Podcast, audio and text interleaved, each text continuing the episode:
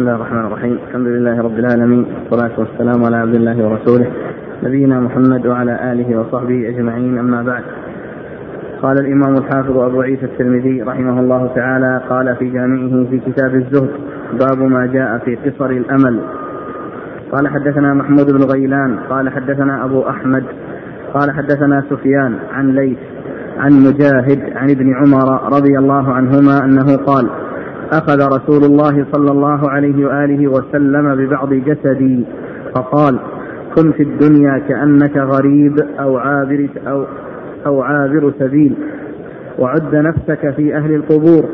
فقال لي ابن عمر إذا أصبحت فلا تحدث نفسك بالمساء وإذا أمسيت فلا تحدث نفسك بالصباح وخذ من صحتك قبل سقمك ومن حياتك قبل موتك فإنك لا تدري يا عبد الله ما اسمك غدا. قال أبو عيسى وقد روى هذا الحديث الأعمش عن مجاهد عن ابن عمر نحوه. قال حدثنا أحمد بن عبدة الضبي البصري. قال حدثنا حماد بن زيد عن ليث عن مجاهد عن ابن عمر عن النبي صلى الله عليه وسلم نحوه. بسم الله الرحمن الرحيم. الحمد لله رب العالمين وصلى الله وسلم وبارك على عبده ورسوله نبينا محمد وعلى آله وأصحابه أجمعين. أما بعد فيقول الامام ابو عيسى الترمذي رحمه الله في جانب باب في قصر الأمل. والمقصود بذلك عدم آآ آآ البقاء الرغبة في البقاء وكون الإنسان يعتبر الحياة طويلة أمامه بل عليه أن يعتبر الحياة قصيرة وأن الإنسان يستعد بالأعمال الصالحة بالأعمال الصالحة حتى إذا فاجأه الأجل يفاجئه وهو على حال طيبة ولا يترك الإنسان العمل بالتسويف على أنه إذا تقدمت به السن أو إذا مضى عليه وقت طويل أنه يغير من حاله فيشتغل في العبادة. فإن الآجال مضروبة والإنسان لا يعرف متى ينتهي أجله. فلا يكون شغله هو الأمل في الحياة والبقاء فيها وإنما شغله الاستعداد في هذه الحياة بالأعمال الصالحة لتكون زادا في الحياة الباقية التي هي في الدار الآخرة. ثم ورد حديث عمر رضي الله تعالى عنهما أن النبي صلى الله عليه وسلم قال أخذ رسول الله صلى الله عليه وسلم ببعض جسدي وقد جاء في صحيح البخاري أخذ بمنكبي تبين الموضع الذي أخذه من جسده وأن النبي صلى الله عليه وسلم وضع يده على منكبه. وحدثه بهذا الحديث. فقال له كن في الدنيا كأنك غريب أو عابر سبيل. كن في الدنيا كأنك غريب أو عابر سبيل. وكون النبي عليه الصلاة والسلام وضع يده على منكبه أو على شيء من جسده فيه تنبيه ابن عمر في تنبيه ابن عمر إلى أن يستعد وإلى أن يحفظ هذا الشيء الذي حدث به النبي صلى الله عليه وسلم وهو وقد وضع يده على جسده. ثم أيضا هو يدل على ضبط ابن عمر للشيء الذي سمعه من رسول الله عليه الصلاة والسلام لأنه حفظ مع الحديث الهيئة التي كان التي حصلت عند التحديث وهذا مما يستدل به العلماء على ضبط الراوي. قالوا الراوي إذا كان ذكر قصة أو ذكر شيئا من الملابسات والأمور التي حول التي حصلت عند التحديث تدل على ضبطه لأنه ضبط الحديث وضبط مع الحديث الهيئة التي حصلت عند التحديث بالحديث. فقال كن في الدنيا كأنك غريب أو عابر سبيل. الغريب هو يتطلع إلى الرجوع إلى بلده وإلى الوصول إلى بلده لأنه مسافر. والمسافر ليس مستقر. الاستقرار هو في بلده وفي محل إقامته. هذا هو الذي يكون فيه الاستقرار. وأما الإنسان الذي يكون غريبا عن بلده أو يكون عابر سبيل ماشي في الطريق. هو غير مستقر. لأنه يمشي إلى غاية. فهو عابر سبيل والغريب غير مستقر. فعليه أن يكون في هذه الحياة كما كان كذلك. كما كان غريبا لأنه يتهيأ لبلده ويفكر متى يرجع إلى بلده. وكذلك عابر السبيل يريد أن يصل إلى نهايته وعلى هذا فإن من يكون كذلك يكون مشغوفا بالوصول إلى ما يريد والانتهاء من الشيء الذي هو فيه. فكذلك الإنسان في هذه الحياة الدنيا هو مثل الغريب أو عابر السبيل لأن دار القرار هي الجنة. والدار الآخرة هي دار القرار إما جنة وإما نار. والإنسان في هذه الحياة يسعد لدار البقاء بالأعمال الصالحة التي تقربه إلى الله عز وجل زلفى فيكون بذلك آه، أخذ في السير للوصول إلى مستقره الذي هو الدار الآخرة فيستغل فيستعد لذلك بالأعمال الصالحة التي تقربه إلى الله عز وجل زلفى كن في الدنيا كأنك غريب أو عابر سبيل. ولهذا الدنيا يقال لها دار الممر والآخرة دار المقر. الناس الدنيا في دار الممر والمعبر والآخرة هي دار المستقر ودار الانتهاء. والعاقل هو الذي يستعمل ويستغل هذه الحياة الدنيا بالتقرب إلى الله عز وجل بالأعمال الصالحة. التي هي الزاد إلى الآخرة.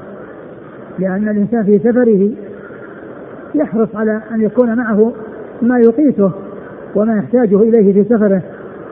والدار الآخرة الاستعداد لها في هذه الحياة الدنيا. والناس في هذه الحياة الدنيا مسافرون وهم في طريقهم إلى الآخرة. وكل يوم يمضي من عمر الإنسان يباعده من الدنيا ويقربه من الآخرة. فيستعد لها بالأعمال الصالحة. وقد جاء عن أمير المؤمنين علي بن أبي طالب رضي الله عنه كما ذكره البخاري في صحيحه عنه. قال رضي الله عنه إن الدنيا قد ارتحلت مدبرة وإن الآخرة قد ارتحلت مقبلة ولكل منهما بنون. فكونوا من أبناء الآخرة ولا تكونوا من أبناء الدنيا فإن اليوم عمل ولا حساب وغدا حساب ولا عمل. كن في الدنيا كأنك غريب أو عابر سبيل. هذه وصية رسول الله صلى الله عليه وسلم لعبد الله لعبد الله بن عمر. وقال عد نفسك في الموتى. لأن الإنسان إذا عد نفسه من أهل في الموتى أو في جملة الموتى وأنه آه، موته قريب فإنه يتهيأ بالأعمال الصالحة. بعض الناس لو قيل له الموت سيأتي بعد أيام وكذا يستعد يكون عنده استعداد. ومن سلف هذه الأمة من يديمون الأعمال الصالحة ويكونون على صلة وثيقة بالله عز وجل وذلك بفعل الأعمال الصالحة. ولهذا نقل عن بعضهم وهو منصور بن زادان أنه قيل لو قيل لمنصور بن زادان أن ملك الموت بالباب ما بقي ما بقي إلا أن يقبض روحه لم يكن عنده زيادة عمل. لأن حياته كلها استعداد. حياته كلها استعداد. وكذلك قيل لصفوان بن سليم لو قيل له إن الساعة تقوم غدا ما كان بإمكانه أن يأتي بشيء جديد.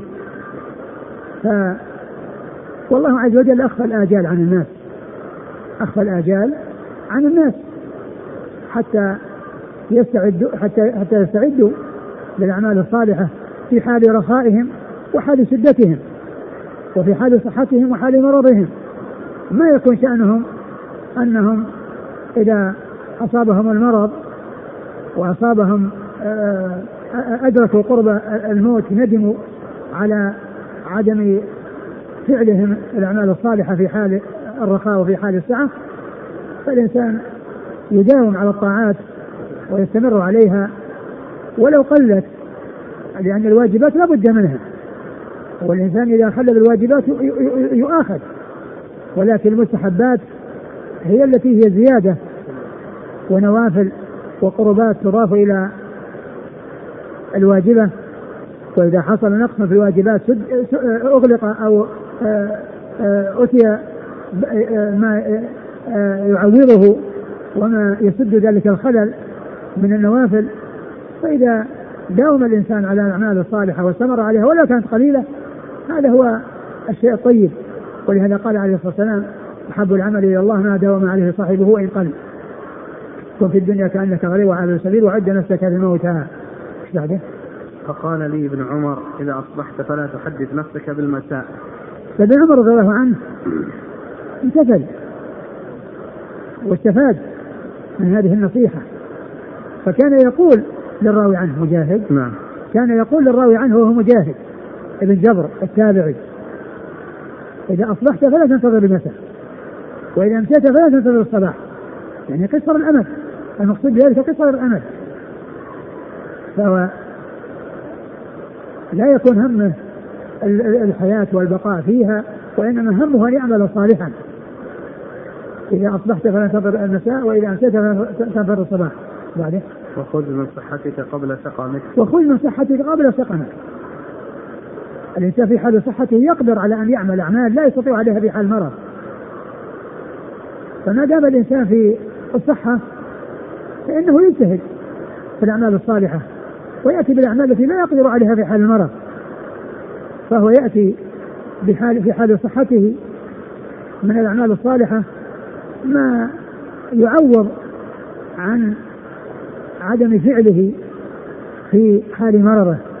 بل إن الإنسان إذا اعتاد شيئا وفعله فإنه في حال مرضه إذا لم يقدر عليه يثيبه الله عز وجل مثل ما كان يعمل في صحته. لما ثبت في صحيح البخاري عن أبي موسى الأشعري رضي الله عنه أن النبي عليه الصلاة والسلام قال إذا مرض العبد أو سافر كتب له ما كان يعمله صحيح مقيم. إذا مرض العبد أو سافر كتب له ما كان يعمله صحيح مقيم. فيأخذ الإنسان من صحته لحال سقمه ومرضه ويجتهد في الأعمال الصالحة. وإذا حصل له سقم وكان ملازما لأعمال صالحة وهو لا يستطيع أداءها في حال المرض والسقم فالله تعالى يثيبه في حال سقمه ومرضه مثل ما كان يثيبه في حال صحته وعافيته. نعم. ومن حياتك قبل موتك. نعم. فإنك لا تدري يا عبد الله ما اسمك غدا. فإنك لا تدري يا عبد الله ما اسمك غدا. ليس المقصود من ذلك اسمه. فإن اسمه هو اسمه. في الدنيا وفي الآخرة. لكن المقصود من ذلك لا يدري غدا هل هو من الأحياء أو من الأموات. هذا إشارة إلى قرب الأجل. وأن الإنسان لا يعلم ما الذي يحصل له غدا؟ هل يكون من جملة الأحياء أو من جملة الأموات فإن الكريم ما اسمك غدا هل أنت من جملة الأحياء أو من جملة الأموات هذا هو المقصود بالحديث؟ ليس المقصود اسمه أنه يصير اسم آخر أو أنه يتغير اسمه أو يتبدل اسمه أو ينسى اسمه وإنما المقصود هل هو اسمه من جملة الأموات أو من جملة الأحياء؟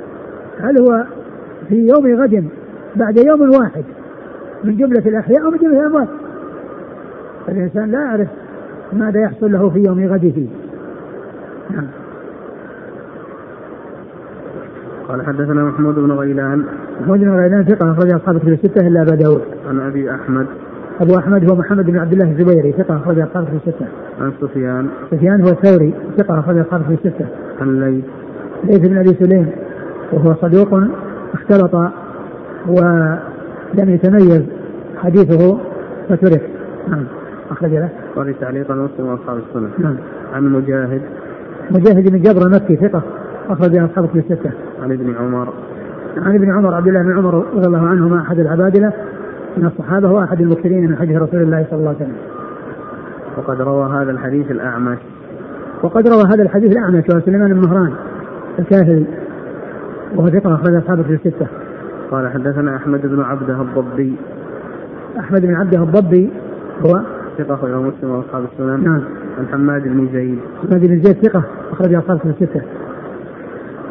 قال حدثنا سويد بن نصر قال أخبرنا عبد الله بن المبارك عن حماد بن سلمة أي أن رواية الأعمش آه، غير رواية يعني غير رواية ليث بن سليم ليث بن سليم آه، حديثه فيه ضعف وأما الأعمش فهو الذي رواه من طريق أخرى وهي التي رواها البخاري من طريقه يعني حديث صحيح البخاري هو من طريق الاعمش لأن ليس بن مسلم ليس من رجال البخاري.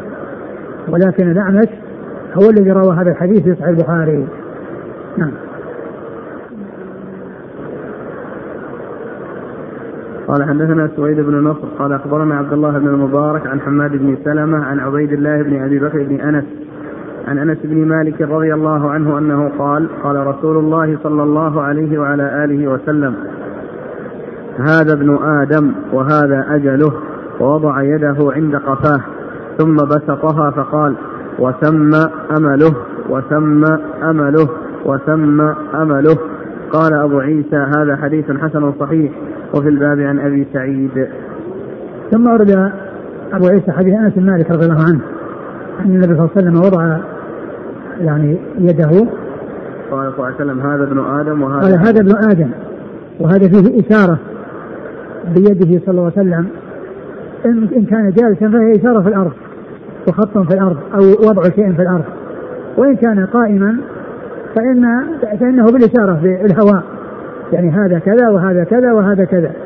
إما أن يكون جالسا والوضع على الأرض وإما أن يكون قائما والإشارة في الهواء دون أن تستقر على شيء. لكن فيها بيان أحوال ثلاث ابن آدم وأجله وأمله. فأجله هو القريب منه وأمله هو البعيد. لأنه أبعد من الأمل. لأنه يؤمل آمال ويتطلع ويؤمل أنه سيصل إلى كذا وسيفعل كذا وسيبلغ كذا. ثم يأتي الأجل وتذهب الآمال التي شغل نفسه بها لأنه يؤمل في البقاء. ويؤمل في طول الحياة ويفكر في الأشياء التي يفعلها في المستقبل في المدة الطويلة.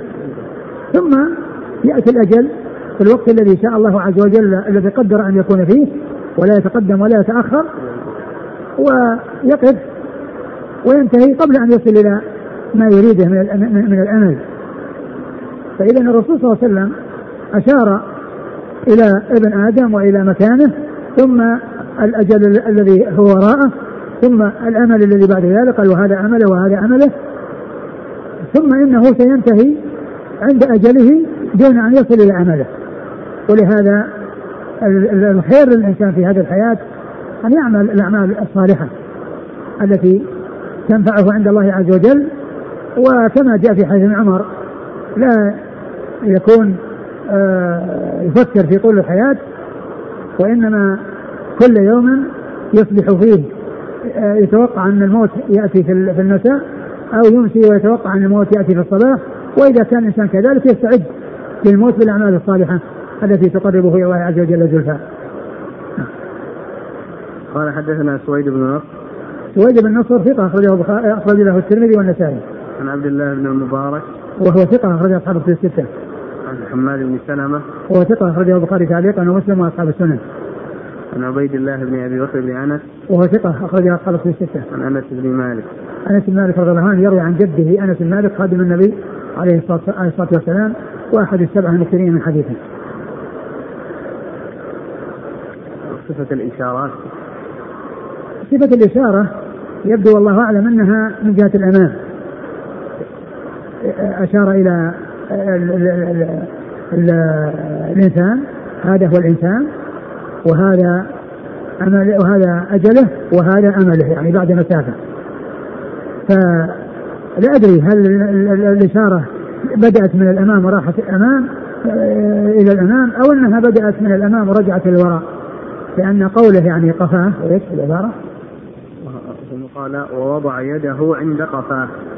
وضع يده عند قفاه يعني كأنه يعني عند عند يعني نهايته ومؤخره عند قفاه وقال هذا الإنسان. وبعد ذلك ثم لا. فأول شيء قال هذا ابن آدم وهذا أجله ووضع يده عند قفاه. ثم بسطها فقال وتم أمله وتم أمله وتم أمله. هو الأجل هو أمام هو بعد بعد الإنسان. والأمل أبعد من الأجل. والأمل أبعد من الأجل.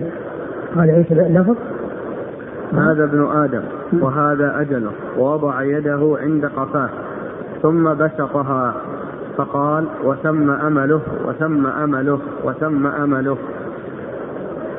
هو إما أن يكون بدأ من الأمام ورجع إلى الوراء وإما أن يكون بدأ من الوراء ورجع إلى الأمام. وهذه الثلاثة كلها متصل بعضها ببعض وبينها مسافة. إلا أن المسافة بين الإنسان وبين أجله قصيرة والمسافة بين الأجل وبين الأمل بعيدة. وبين الأمل بعيدة. وفالبدء لا أدري هل هو بدأ آه، العدد من ال من من من ال ال ال الإنسان ثم إلى أمام أو أنه بدأ من من أمام اللي هو الإنسان ثم يرجع إلى الوراء. قوله ثم بسطها يعني كانت اليد يعني كان طولها يعني كذا مدها يعني مسافة. لأن الأمل بعيد بعيد عن الأجل. الإنسان عمره قصير وهو يخطط ل 100 سنة أو أكثر.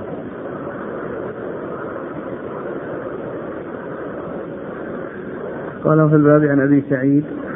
أبو سعيد سعد بن مالك رضي الله عنه قد أحد السبع المكثرين من حديثه صلى الله عليه وسلم. قال حدثنا هناد قال حدثنا أبو معاوية عن الأعمش عن أبي السفر عن عبد الله بن عمرو رضي الله عنهما أنه قال مر علينا رسول الله صلى الله عليه وعلى آله وسلم ونحن نعالج خصا لنا. فقال ما هذا؟ فقلنا قد وهى. فنحن نصلحه. قال ما أرى الأمر إلا أعجل من ذلك. قال أبو عيسى هذا حديث حسن صحيح. وأبو السفر اسمه سعيد بن يحمد ويقال ابن أحمد الثوري. ثم أورد أبو عيسى حديث حديث عبد الله بن عمرو. عبد الله بن عمرو عبد الله بن عمرو العاص رضي الله عنهما قال مر علينا رسول الله ونحن نصلح خصا لنا. فنقصد له خص البيت اللي فيه خلل يصلحون هذا الخلل الذي فيه. قال ما هذا؟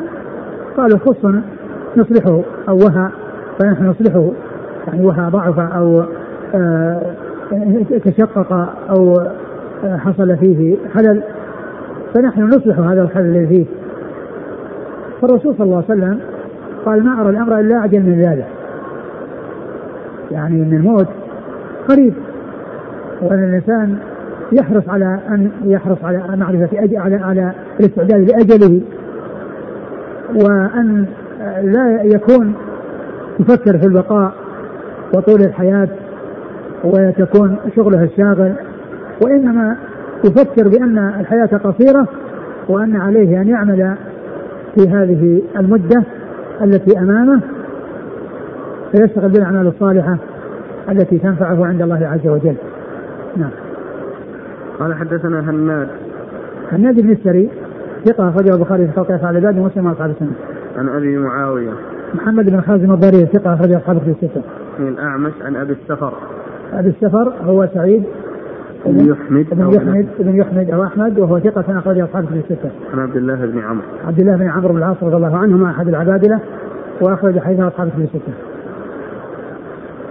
قال رحمه الله تعالى باب ما جاء أن فتنة هذه الأمة في المال قال حدثنا أحمد بن منيع قال حدثنا الحسن بن سوار قال حدثنا ليث بن سعد عن معاوية بن صالح أن عبد الرحمن بن جبير بن نفير حدثه عن أبيه عن كعب بن عياض رضي الله عنه أنه قال سمعت النبي صلى الله عليه وعلى آله وسلم يقول إن لكل أمة فتنة وفتنة أمتي المال. قال أبو عيسى هذا حديث حسن صحيح غريب إنما نعرفه من حديث معاوية بن صالح. ثم أورد أبو عيسى باب الفتنة باب الفتنة في المال. أن فتنة هذه الأمة أن فتنة هذه الأمة المال. هو الافتتان في الدنيا والتنافس على عليها وعلى تحصيل الأموال فيفتت الإنسان بها وتشغله عن الآخرة. وهذا يحصل لكثير من الناس ومن الناس كما حصل لأصحاب الرسول صلى الله عليه وسلم أنهم مشتغلون في الآخرة ثم تأتيهم الدنيا ولا تكون عائقا لهم عن ما يقربهم إلى الله عز وجل بل يأخذونها من حلها أو تأتي إليهم من حلها ويصرفونها في المواضع التي أذن الشارع في صرفها فيها. ولا تكون هي شغلهم الشاغل وهمهم بحيث يؤثر ذلك على عباداتهم وعلى آه، ما تنفيذ ما هم مأمورون به. في كتاب الله عز وجل وسنة رسوله صلى الله عليه وسلم. لكن هذه لكن الفتنة في المال هي فتنة عامة وفتنة عظيمة. وقد جاء في الحديث عن النبي صلى الله عليه وسلم أنه قال والله ما الفقر أخشى عليكم ولكن أخشى أن تبسط عليكم الدنيا فتنافسوها كما تنافسها الأمم قبلكم ثم تهلككم كما أهلكتهم. فافتتان الناس بالمال هذا آه، لما أخبر به النبي عليه الصلاة والسلام وتحقق كما هو المشاهد المعاين كثير من الناس مفتونين بالمال يريدون تحصيله بأي طريقة ولو عن طريق الربا ولو عن طريق بيع المحرمات ولو عن طريق أي أمر منكر المهم أن يصل إلى أيديهم المال. الحلال ما حل في اليد. الحلال عند كثير من الناس وعند بعض الناس ما حل في اليد لأنه وصل إلى اليد. سواء جاء عن ربا أو عن طريق آه، آه، خمر أو عن طريق طريق بيع دخان أو عن طريق آه، أي شيء. منكر محرم. المهم أن يصل إلى اليد. هذا هو الحلال. والحرام هو الذي لم يصل إلى اليد. وأما الحلال والحرام في في, في الشرع فالحلال ما أحله الله ورسوله والحرام ما حرمه الله ورسوله. صلى الله عليه وسلم. ولهذا جاء في الحديث يأتي على الناس زمان لا يبالي من أين أخذ المال. لا يبالي الإنسان من أين أخذ المال. المهم أنه يصل إليه المال ولا يبالي من أين جاء وكيف وصل. المهم أنه يصل. نعم. قال حدثنا أحمد بن منيع. أحمد بن منيع ثقة أخرج أصحاب في الستة. عن الحسن بن سوار. هو صدوق خير أبو داود والترمذي والنسائي. نعم. عن ليث بن سعد. هو ثقة أخرج أصحاب في الستة. عن معاوية بن صالح. وهو صدوق أخرج له. وخرج القراءة ومسلم وأصحاب السنن. نعم. عن عبد الرحمن بن جبير بن نفير وهو ثقة. البخاري المفرد ومسلم وأصحاب السنن. وأبوه كذلك. نعم. نعم. عن كعب بن عياض. كعب بن عياض رضي الله عنه أخرج له. الترمذي والنسائي. نعم. كيف التوفيق بين هذا الحديث وما جاء من قال صلى الله عليه وسلم ما تركت فتنة أضر على الرجال من النساء. آه آه معلوم أن هذه فتنة وهذه فتنة. يعني فتنة في النساء والفتنة في المال. الفتنة في النساء والفتنة في المال. لكن الفتنة في المال أعم وأوسع. لأن النساء يفتتن فيها من يكون عنده شهوة وعنده رغبة. ولكن المال يكون للهرم الذي لا يفكر في النساء ويكون آه، للذي يفكر فيهن. فالمال الابتلاء فيه والفتنة فيه أعم وأوسع لأنها تكون للكبير والصغير وتكون للهرم الذي بلغ من الكبر عتيا فهو عنده حب المال وعنده حب آه، الدنيا. وأما النساء ف آه، الفتنة فيهن من ناحية التطلع للحرام هذا لا يكون لمن يكون عنده قدرة وعنده شباب أو أو كهوله أما الذي قد هرم وشاخ ولا يفكر في النساء هذا يفكر في المال ولا يفكر في النساء. يفكر في المال. والحاصل أن كل من كل من الحديثين فيه أن هذه الأمة فتنتها يعني في المال وفي النساء. هذا يدل على أن الفتنة في المال وهذا يدل على الفتنة في النساء. لكن الفتنة في المال أوسع وأعم. ولهذا جاء في الحديث أن أن الإنسان إذا كان قد كبر وهرم وفكر في النساء يدل على على شدة خبثه لأنه أحد الثلاثة الذي لا يكلمهم الله لأن الدواعي والأسباب اللي في الشباب ذهبت عنه ولكنه مع الشيخوخة ومع التقدم السن يفكر في الحرام. ولهذا جاء في الحديث ثلاثة لا يكلمه الله أشيمة زاني أشيمة وعائل مستكبر. وملك كذاب؟ لأن كل واحد منهم هذه الأمور التي وقع فيها ليس بحاجة إليها. ليس من أهلها. فالملك ما في حاجة إلى أن يكذب. الذي يكذب هو الإنسان الذي يغلب على أمره ويضطر إلى أنه يقع في الكذب. وأما من كان في منزلة عالية ومنزلة رفيعة ما يحتاج أن يكذب وكذلك الأسيمر الذي الشاب هو الذي يفكر في الزنا ويفكر في الحرام لأن عنده قوة شهوة. وأما الشاي, الشاي الذي شاب وكبر فهذا يدل على خبث فيه إذا وجد منه الزنا. وكذلك على المستكبر لأن الاستكبار يكون مع الغنى. كان الإنسان لا يطغى الله استغنى لكن إذا كان عائل ومع ذلك يستكبر معناه وجد عنده من غير وجود الأسباب التي آه، آه، تؤدي إلى الكبر نعم. يقول السائل هل ما يحصل في هذه الأيام من التسابق على الأسهم على الأسهم والربح السريع من هذا الباب؟ لا شك هذا من هذا الباب.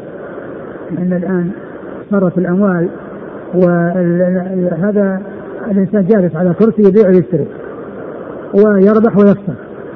والسلع والاشياء التي الناس بحاجة إليها والتي وجودها في الأسواق وكون التجار وأصحاب الأموال آه، آه، يعملون على ايجادها بايدي الناس صارت النقود آه، تستعمل بهذه الطريقة التي الانسان جالس على كرسي يبيع ويشتري.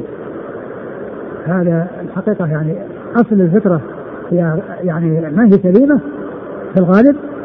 ثم أيضا فيها هذه المصالح الكبيرة التي فاتت على الناس بسبب كون الاشتغال بهذه الطريقة.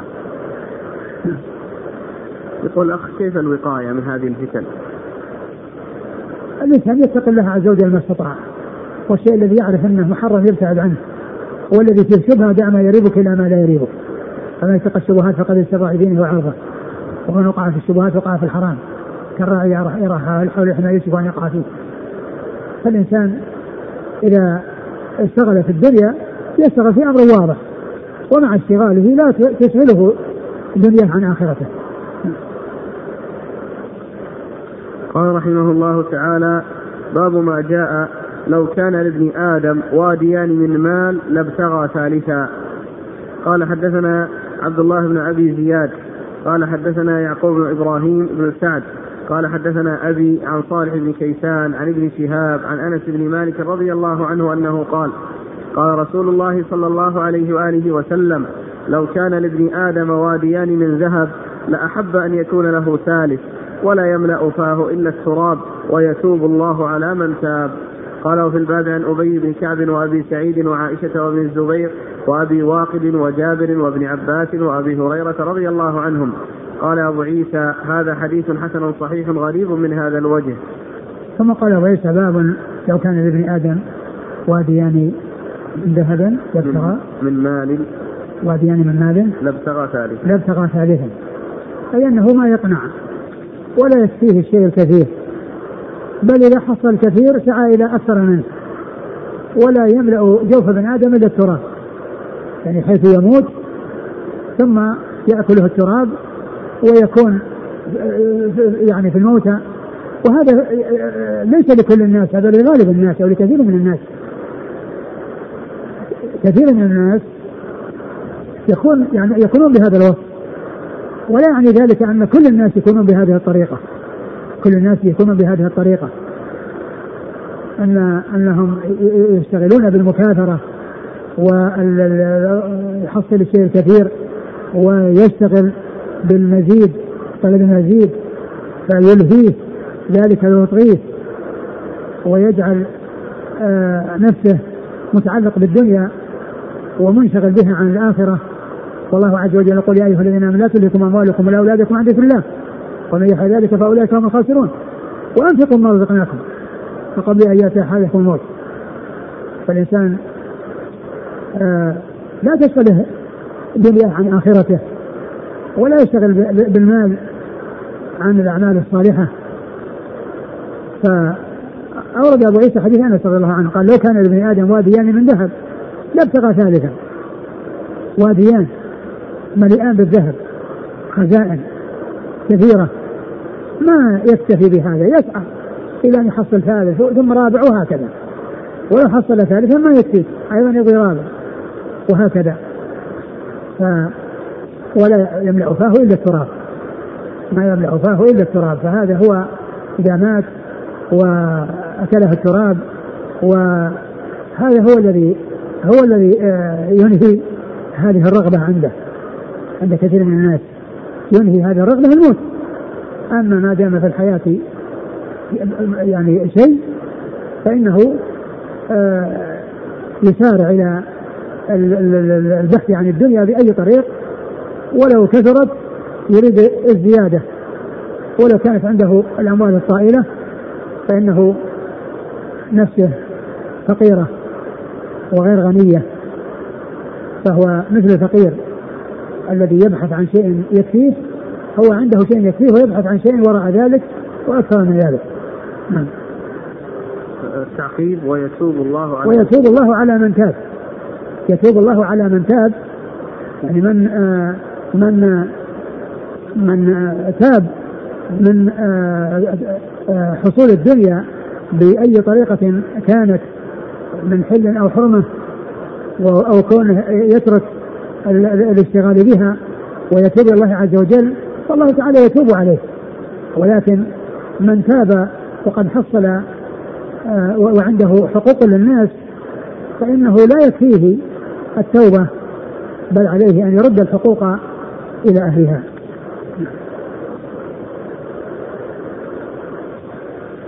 قال حدثنا عبد الله بن أبي زياد. هو؟ صدوق أبو داود والترمذي وابن ماجه. عن يعقوب بن إبراهيم بن سعد. وهو ثقة أخرج أصحاب في الستة. عن أبيه وهو كذلك. عن صالح بن كيسان. ثقة أخرج أصحاب في الستة. عن ابن شهاب. محمد بن مسلم عبيد الله ثقة أخرج أصحاب في الستة. عن أنس. أنس رضي الله عنه خادم النبي عليه الصلاة والسلام. ومن السبع المكثرين من حديثه. وفي الباب عن أبي بن كعب. أخرج أصحاب في الستة. وأبي سعيد وعائشة. نعم. وابن الزبير. أخرج أصحاب في الستة. وأبي واقد.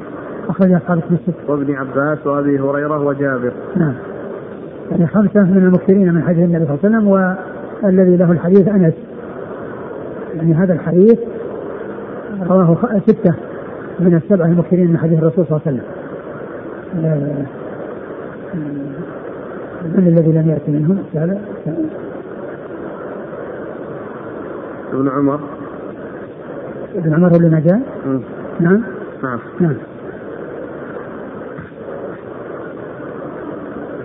يقول جاء في صحيح مسلم أن هذا هذه هذا كان من القرآن لكنه نسخ. فهل يصح أن نقول قال الله تعالى ثم نذكره؟ آه آه إذا كان آه جاء في جاء فيه أن الله تعالى قال كذا قال كذا فيقال لكن إذا كان ما فيه مثل الحديث القدسية قال الله تعالى كذا يقول الإنسان لكن شيء ما ما قال لكن نقول هذا قرآن منسوخ إذا إذا ثبت أنه قرآن وأنه نسخ لكن ما نقول قال الله تعالى كذا نعم. عندما هذا نقول هذا من القرآن المنسوخ. وهو وحيث ثبت أنه قرآن هو قول الله عز وجل. لكن آه كونه يقال أو الإنسان يأتي ويستعمل مثل هذه العبارات يقول في الأشياء التي نسخت قال الله تعالى كذا ما ما ما ما نعلم شيء يعني يدل عليه. بالنسبة للحديث القدسيه فيها قال الله تعالى كذا. قال الله تعالى كذا. لكن يقال هو قرآن ونسخ إذا كان ثبت أنه قرآن. أو هو من التلاوه من التلاوة المنسوخه أو مما نسخت تلاوته مثل آية الرجم. نسخت التلاوة بقي الحكم. يقول هل هذه المقولة صحيحة؟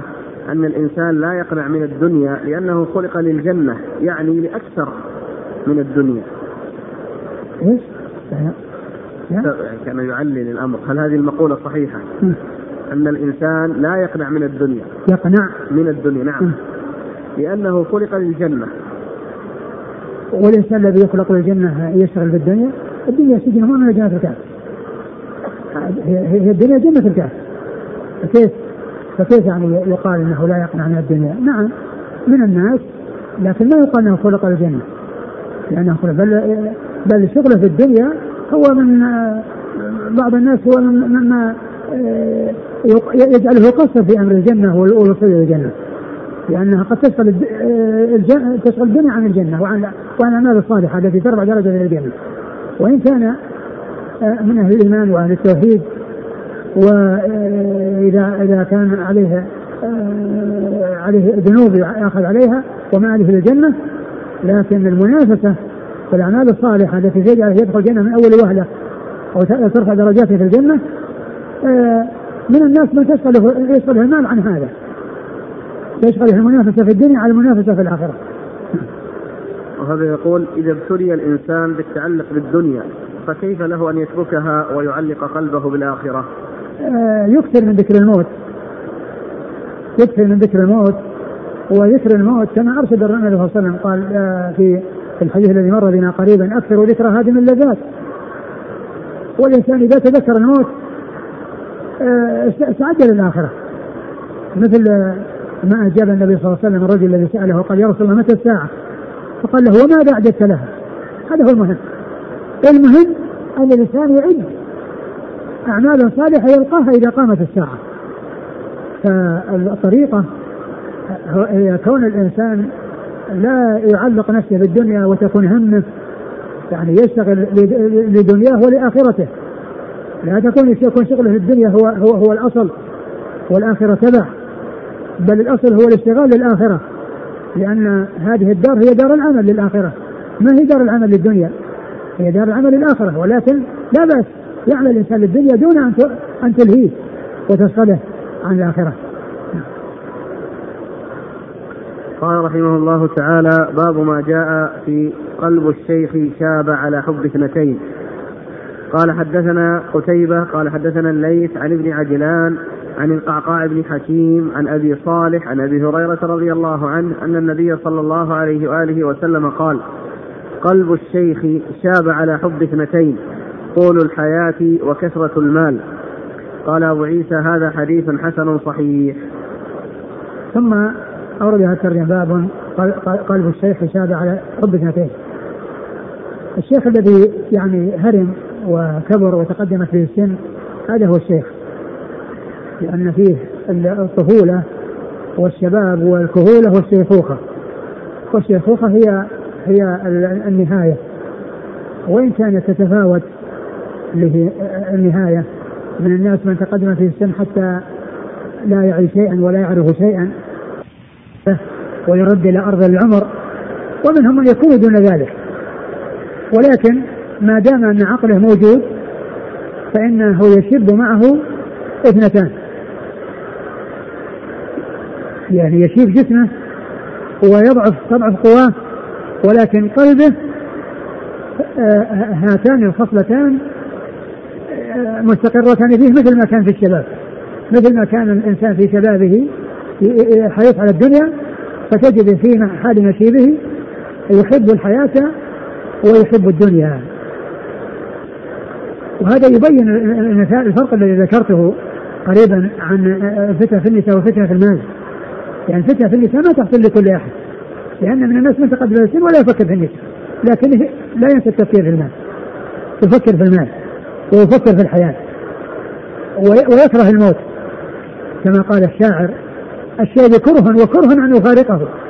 فأعجب لشيء على البغضاء محبوب. الشيء كره الشيء مو مرغوب. إذا قيس بالشباب وقرن بالشباب ما هو مرغوب فيه؟ الشباب أحسن منه. لكن الذي قد شاب وذهب عنه الشباب يكره أن يفارق الشيء. لأنه يفارقه بالموت يفارقه بالموت إذا نظر إلى ما قبله إذا نظر إلى إلى ما قبله كان يعني مكروها ما ليس مرغوبا فيه الشباب أحسن منه. ونظر إلى ما بعده صار الشيء مرغوبا فيه. صار الشيء مرغوب فيه لأنه راغب بالحياة. ثم رد هذا الحديث.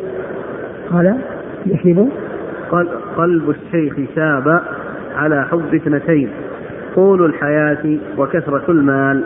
قلب الشيخ شاب على اثنتين طول الحياة وكثرة المال. يعني أنه يحب الحياة ويحب البقاء ولو كان شيخا كبيرا. لا يريد الموت. وحب المال كذلك أيضا. هو حريص على المال. ولو كان قد جاء. فإذا هاتان الخصلتان آه، عندما يشيب الإنسان وتضعف قواه ويذهب آه، الذي كان في الشباب آه، فقده لكنه لا يفقد هاتين الخصلتين. وهي حب الحياة وحب المال. نعم؟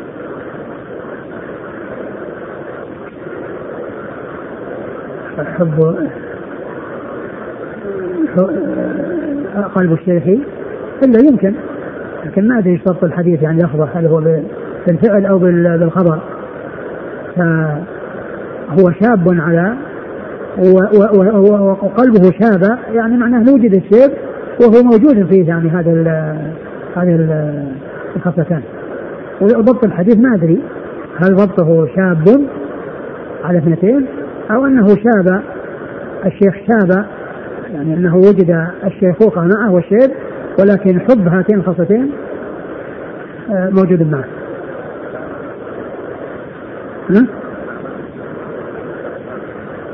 لا هو الكلام على ضبط الحروف ما هو بالشكل. قال حدثنا قتيبة قتيبة بن سعيد ثقة أخرج أصحابه في الستة. عن الليث عن ابن عجلان ابن عجلان محمد بن عجلان صدوق أخرج البخاري تعليقا ومسلم وأصحاب السنة. عن القعقاع بن حكيم وهو ثقة أخرج البخاري المفرد ومسلم وأصحاب السنن. نعم. عن أبي صالح وصالح ذكوان السماع ثقة أخرج أصحابه في الستة. عن أبي هريرة. نعم. قال حدثنا قتيبة قال حدثنا أبو عوانة عن قتادة عن أنس بن مالك رضي الله عنه أن رسول الله صلى الله عليه وآله وسلم قال يهرم ابن آدم ويشب منه اثنتان الحرص على, على العمر والحرص على المال. قال أبو عيسى هذا حديث حسن صحيح. وهذا الحديث فيه ما يبين أو يعني يقوي المعنى الثاني الذي الذي الذي هو شاب. لأنه قال يهرم الشيخ ويشب منه اثنتان. ويشبه يعني معناه أنه يكون آه، آه، شباب وموصوف بالشباب فيها. لا فرق بين شيخوخته لكن الحديث الذي مر هل هو شاب أو شاب هذا يحتاج إلى معرفة ضبطه بالحروف. آه، الذين يعتنون بالمتون ومثل النووي رحمه الله في كتابه آه، صحيح مسلم يعتني بالضبط. يقول في نسخ بلادنا كذا أو فيها كذا ويذكر بالحروف. فهنا هذا الحديث مثل الذي قبله. قال يهرم؟ يهرم؟ يهرم ابن آدم.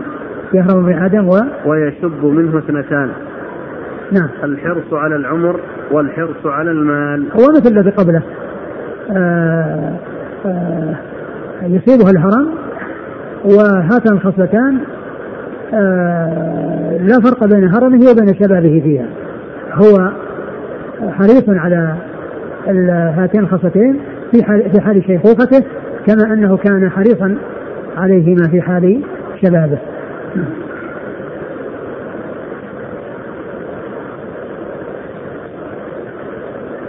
وإذا قيل إذا كان الحديث الذي مر شاب فهو يطابق الحديث هذا من ناحية أن قلبه موصوف بالشباب في هاتين الخصلتين. نعم. الشارح لما ذكر قد يفهم منه ما ضبطه لكن معنى الكلام اللي نقله عن النووي وهو لما لما قال قلب الشيخ شاب أو شاب قال أي قوي نشطان. طول الحياة وكثرة المال بالجر فيهما بدل من اثنتين ويجوز الرفع والنصب.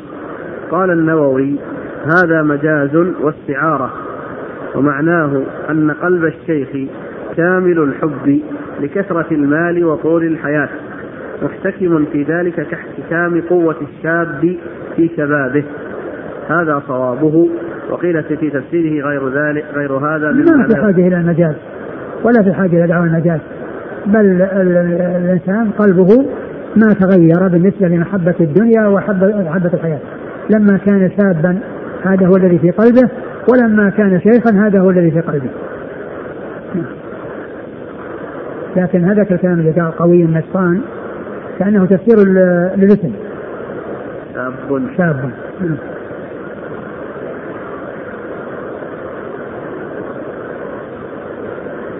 قال حدثنا قتيبة عن أبي عوانة أبو عوانة هو ضاح بن عبد الله اليشكري ثقة أخرج أصحابه في الستة. عن قتادة عن أنس. قتادة بن أنس بن البصري أخرج أصحابه في الستة وهو ثقة وهذا الإسناد من الأسانيد العالية وهي الرباعيات. نعم.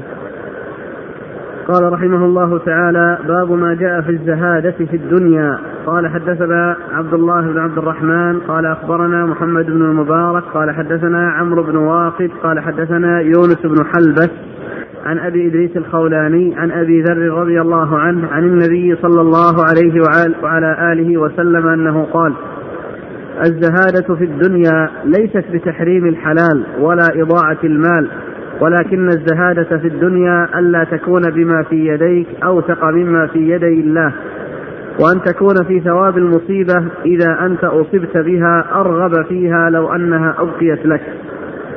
قال أبو عيسى هذا حديث غريب لا نعرفه إلا من هذا الوجه. وأبو إدريس القولاني اسمه عائد الله بن عبد الله وعمرو بن واقد منكر الحديث. ثمر أبو عيسى باب الزهادة في الدنيا. الزهادة في الدنيا عدم الرغبة فيها كما سبق أن مر قلنا الرغبة تتعدى بفي وبعن. فالذي يرغب فيه يعدى بفي رغب في كذا. والذي يزهد فيه يعدى بعن رغب عن كذا. رغب عنه يعني زهد فيه.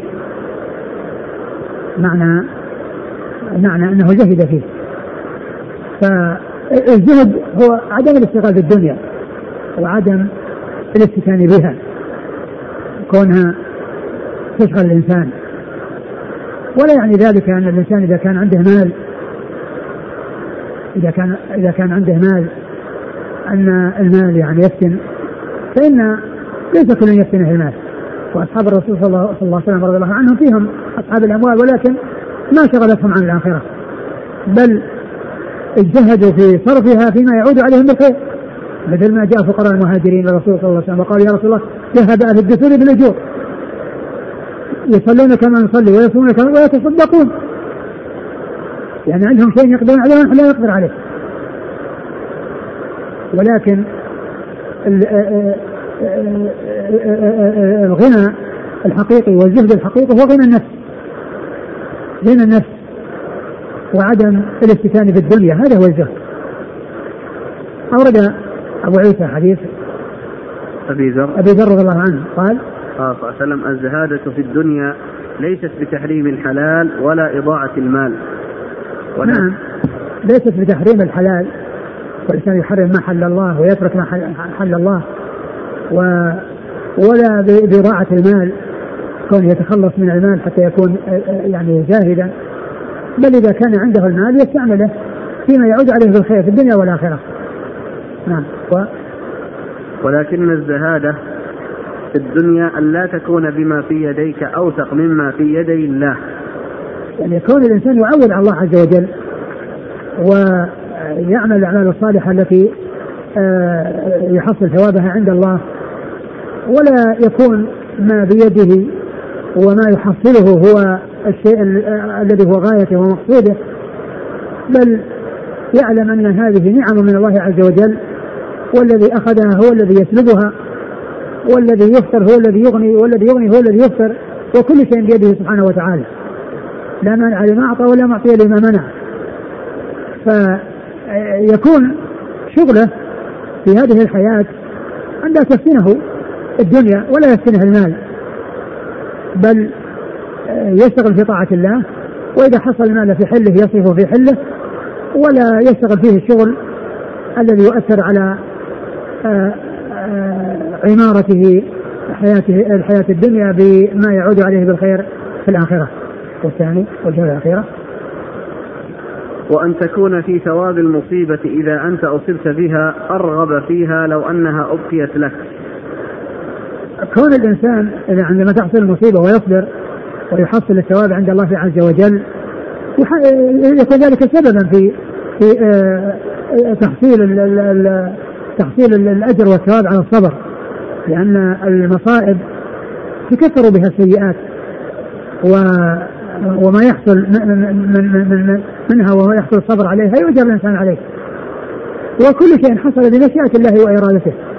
فإذا أصيب الإنسان بشيء وصبر واحتسب فإنه يحصل اجر على ما يحصل من المصائب التي تحصل له في دنياه وما يحصل له من النقص ويصبر فإن أنه يحصل الثواب من الله عز وجل يحصله عاجلا وقد يحصل شيء من الدنيا في العاجل نعم. قال حدثنا عبد الله بن عبد الرحمن هو الدارمي وهو ثقة أخرج له. مسلم وأبو داود والترمذي. نعم. عن محمد بن المبارك. وهو الصوري وهو ثقة. من أصحاب الكتب. نعم. عن عمرو بن واقد. وهو متروك أخرج له. الترمذي وابن ماجه. نعم. عن يونس بن حلبس وهو؟ ثقة أخرج أبو داود والترمذي وابن ماجه. نعم. عن أبي إدريس القولاني. وهو عائد الله ثقة أخرج أصحابه في الستة. عن أبي ذر. أبي ذر جندب بن جنادة رضي الله عنه أخرج أصحابه في الستة. والحديث في هذا المتروك وهو غير ثابت. نعم.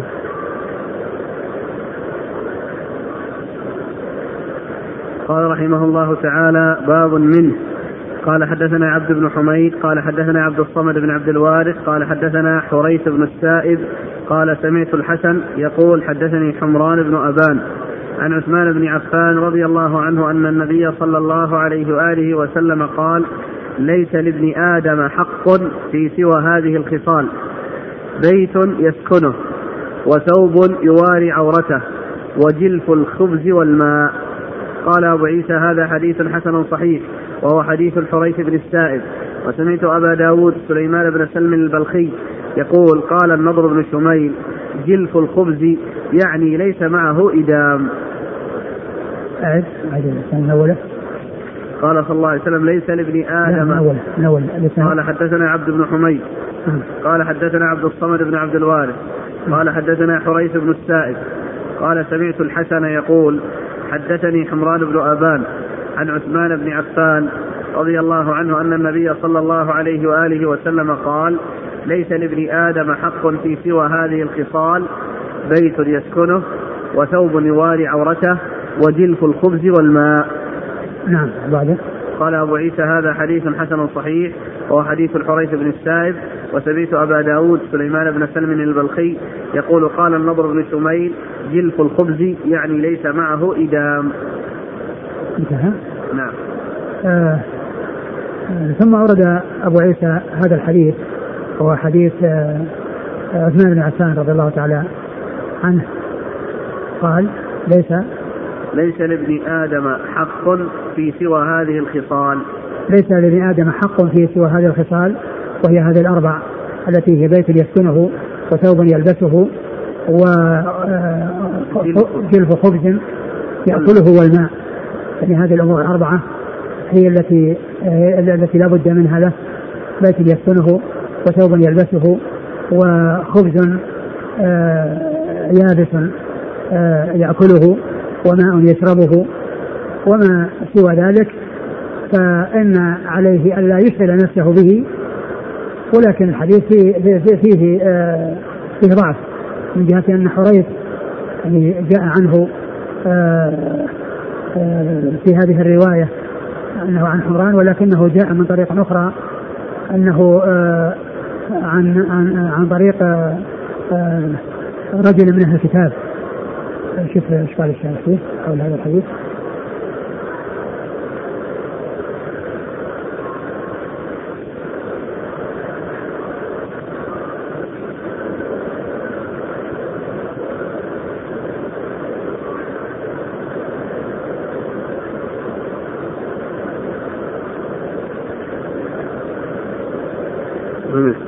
نعم قال ما ما ذكر شيء إيش ما ذكر شيء؟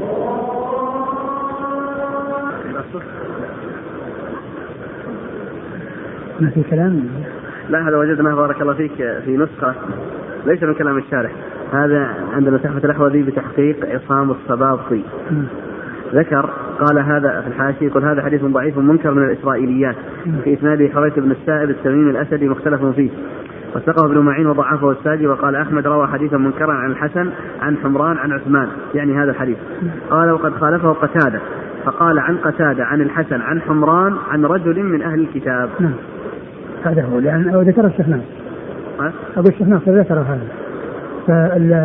ففيه أن الإمام أحمد وغيره أنكروا هذا فينصوا عليه أن هذا يعني منكرا عن شريح وفي الطريقة الثانية الذي عن طريق قتادة ليس فيه ذكر ذكر أنه رجل من الكتاب.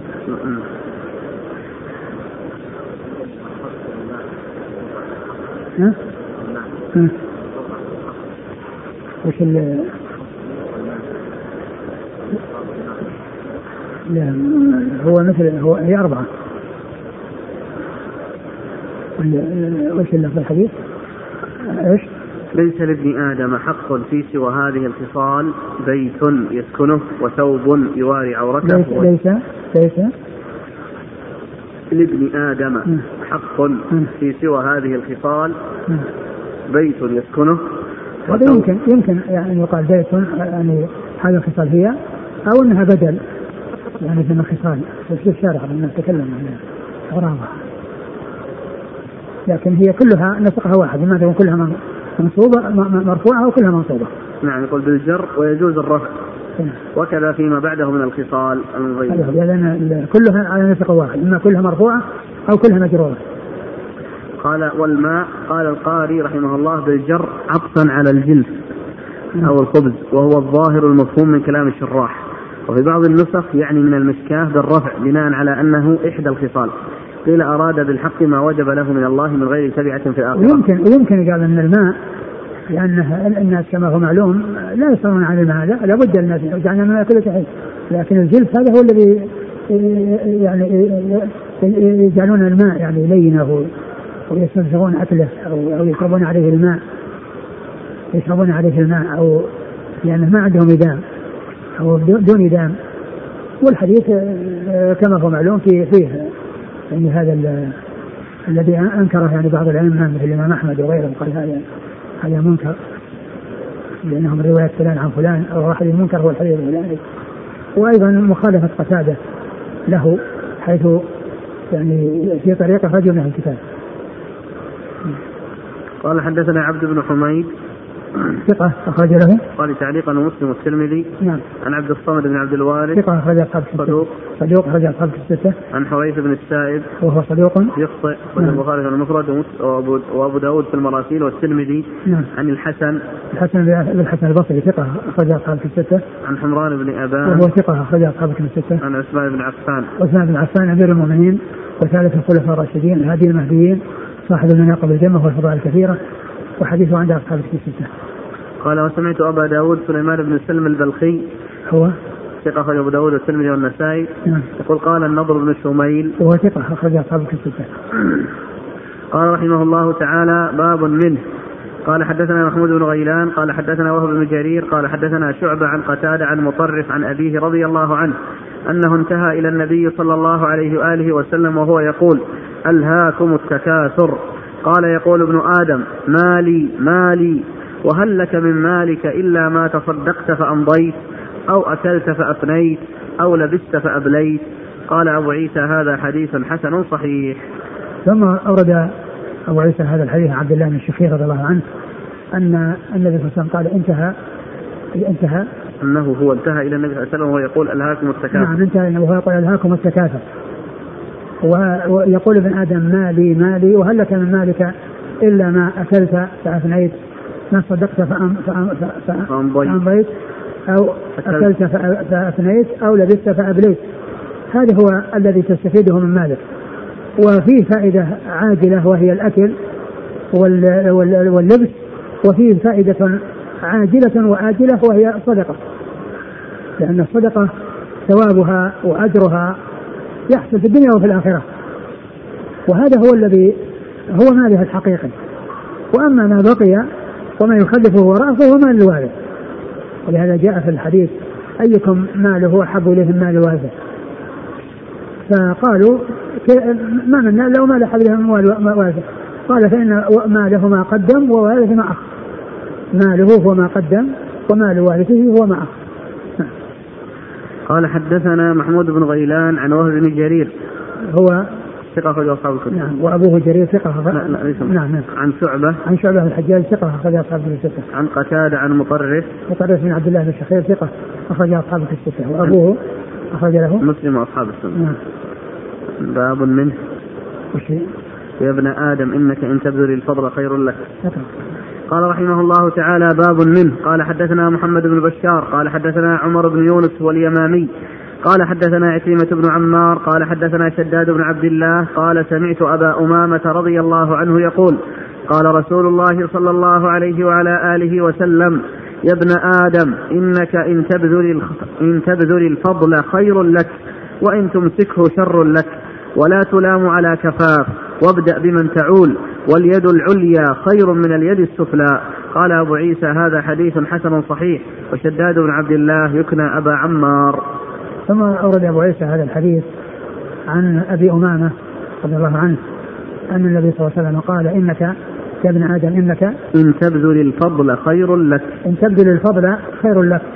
يعني الذي يزيد عن كفايتك وعن حاجتك هو خير لك لأنك تجده أمامك. إن تبذل الفضل أي الزائد عن الكفاية وعن الحاجة هو خير لك. وإن تمسكه فإنه يكون شر لك. وهو شر له باعتبار أنه يشغله. يشغله ويكون مشغلة له. و و. وش؟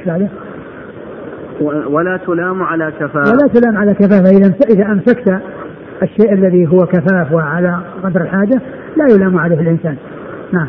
وابدأ بمن تعود. وابدأ بمن تعول الإنسان يبدأ بمن آه، آه، يعوله ومن آه، تجب عليه نفقته. وكذلك عند الإحسان يحسن إلى من هو قريب إليه لأن الصدقة على القريب صدقة وصلة. و- واليد العليا. واليد العليا خير من اليد السفلى، اليد العليا هي المن- المنفقة. واليد الس- السفلى هي السائلة. اليد العليا هي المنفقة. الذي يحصل منها وضع المال في يد اليد السفلى لأن ال- الإنسان يعني يضع المال من فوق وهذا يأخذ من تحت هذا يمد يده وهذا يضع فيها فيكون اليد العليا التي هي المنفقة وكل إنسان آه، يكون منفقا ومحسنا آه، خير من أن يكون سائلا آه، مستجزيا. فإن ومعلوم ان السؤال إنما يجوز في في أمور معينة. ولا يجوز السؤال من غير حاجة إليه ولكن هذا فيه بيان فضل الإنفاق وأن اليد العليا خير من اليد السفلى. نعم. قال حدثنا محمد بن بشار عن عمر بن يونس واليمامي. هو؟ ثقة رجل أصحاب الكتب. نعم. عن عكرمة بن عمار. هو؟ صدوق يغلط أخرج له البخاري تعليقا ومسلم وأصحاب السنن. نعم. عن شداد بن عبد الله. وهو؟ ثقة أخرج البخاري المفرد ومسلم وأصحاب السنن. نعم. عن أبي أمامة. أبو أمامة صدي بن عبد الله الباهلي. رضي الله عنه أخرج له أصحاب كتب الستة. انتهى. باب؟ باب في التوكل على الله. والله أعلم وصلى الله وسلم وبارك على نبينا ورسوله نبينا محمد وعلى آله واصحابه أجمعين. جزاكم الله خيرا وبارك الله فيكم. ألهمكم الله الصواب ووفقكم الحق. نفعنا الله بما سمعنا وغفر الله لنا ولكم وللمسلمين أجمعين. آمين. آمين. يقول الأخ فائدة ذكر الذهب أحب أن أنبه على أن الذين يحجزون أماكن في الكراسي والصفوف تصل إلى هذا المكان ما يصلح الإنسان يضع الكراسي بل يعني يترك المكان وإذا تيسر له أن يأتي آه أتى وإلا كونه يضع الكراسي ويذهب إلى الصفوف الأمامية تلقى الكراسي هذا إذا كان أنها موجودة وأن أحد يفعلها فلا ينبغي أن يفعلها آه.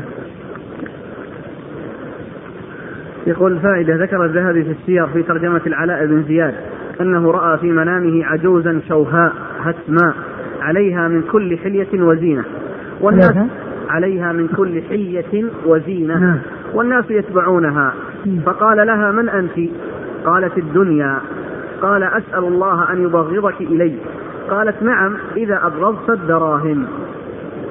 يقول وقال أخرجها البخاري في كتاب التفسير من صحيحه في تفسير حاميم المؤمن من الذي ذكر هذا؟ علاء بن زياد الذهبي في ترجمة العلاء بن زياد في السياق. ذكر هذا القصة البخاري؟ يقول نعم أحال أن قال وأخرجها البخاري في كتاب التفسير من صحيحه في تفسير حاميم المؤمن عن المؤمن في أي عند أي مكان؟ نعم في الرافع بس عند على كل تفسير محصور. أقول تفسير البخاري يعني للآيات أو للسور مقاطع وأماكن يعني معينة. يمكن الإنسان يصل إليه بسهولة بين يدي كتاب غربة الإسلام للدكتور محمد خليل الهراس رحمه الله. فيه عبارة نود نبهون نعم. يقول يقول رحمه الله ثم